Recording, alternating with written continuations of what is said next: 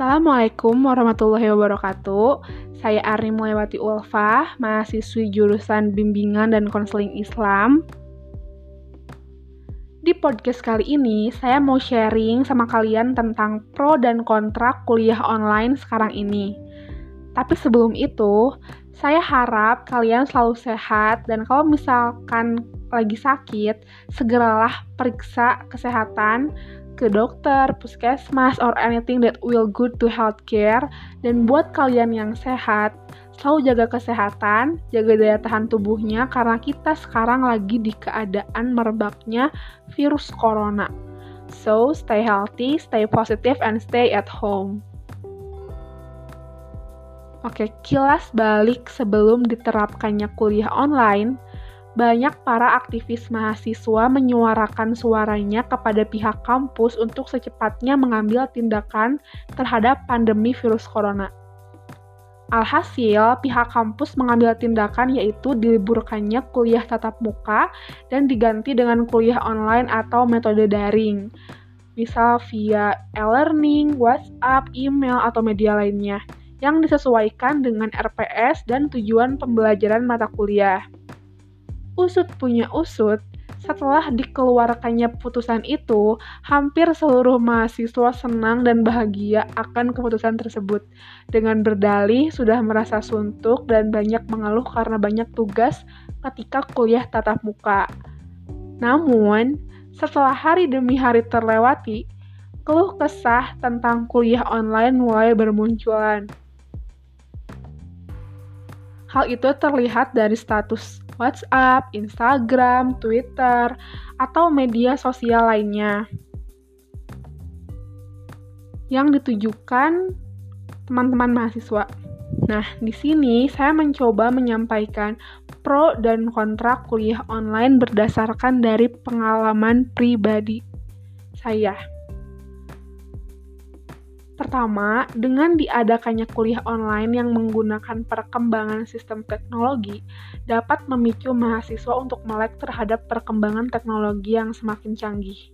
Yang kedua, kuliah online dapat dengan mudah diakses oleh mahasiswa dengan bantuan sistem yang sudah disepakati antara dosen dengan mahasiswa. Yang ketiga, materi yang diberikan bisa dengan mudah diakses kembali setelah selesai perkuliahan karena terekam di sistem yang digunakan, misalnya via grup WhatsApp. Yang keempat, dosen bisa dengan mudah mengetahui keaktifan mahasiswa dalam proses belajar mengajar di sistem kuliah online dengan melihat antusias dari mahasiswa ketika dibuka forum kuliah online. Yang kelima, kuliah online bisa dilakukan di mana saja, misalkan dalam kamar belajar ataupun ruang tamu di rumah. Hal ini juga berdampak pada pengeluaran dari mahasiswa.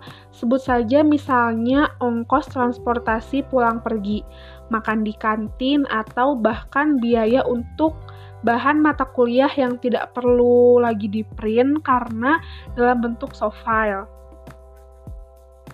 Namun,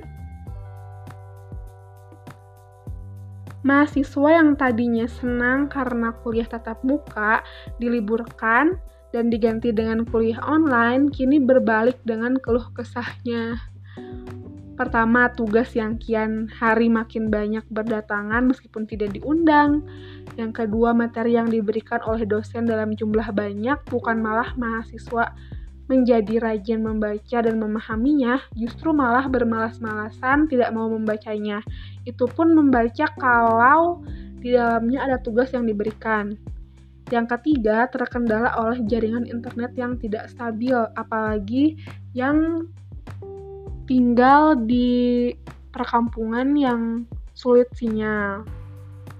Yang keempat, esensi dari kuliah itu sendiri kurang didapatkan ketika kuliah online, seakan setelah memberikan materi dan tugas, selesailah yang namanya jam kuliah.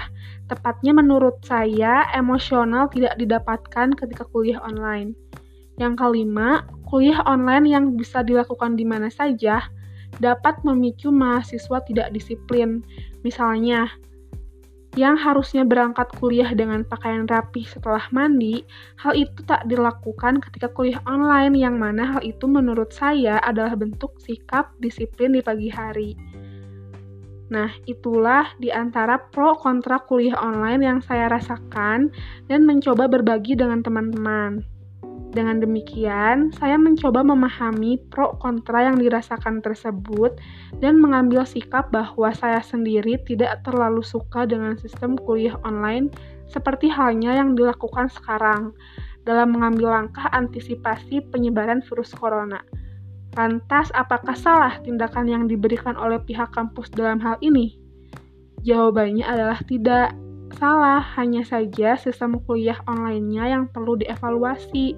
Sistem kuliah online yang dapat memberikan edukasi terhadap mahasiswa dan juga dosen, tidak hanya sekedar materi yang berbentuk slide PPT dan tugas yang kian hari terus berdatangan.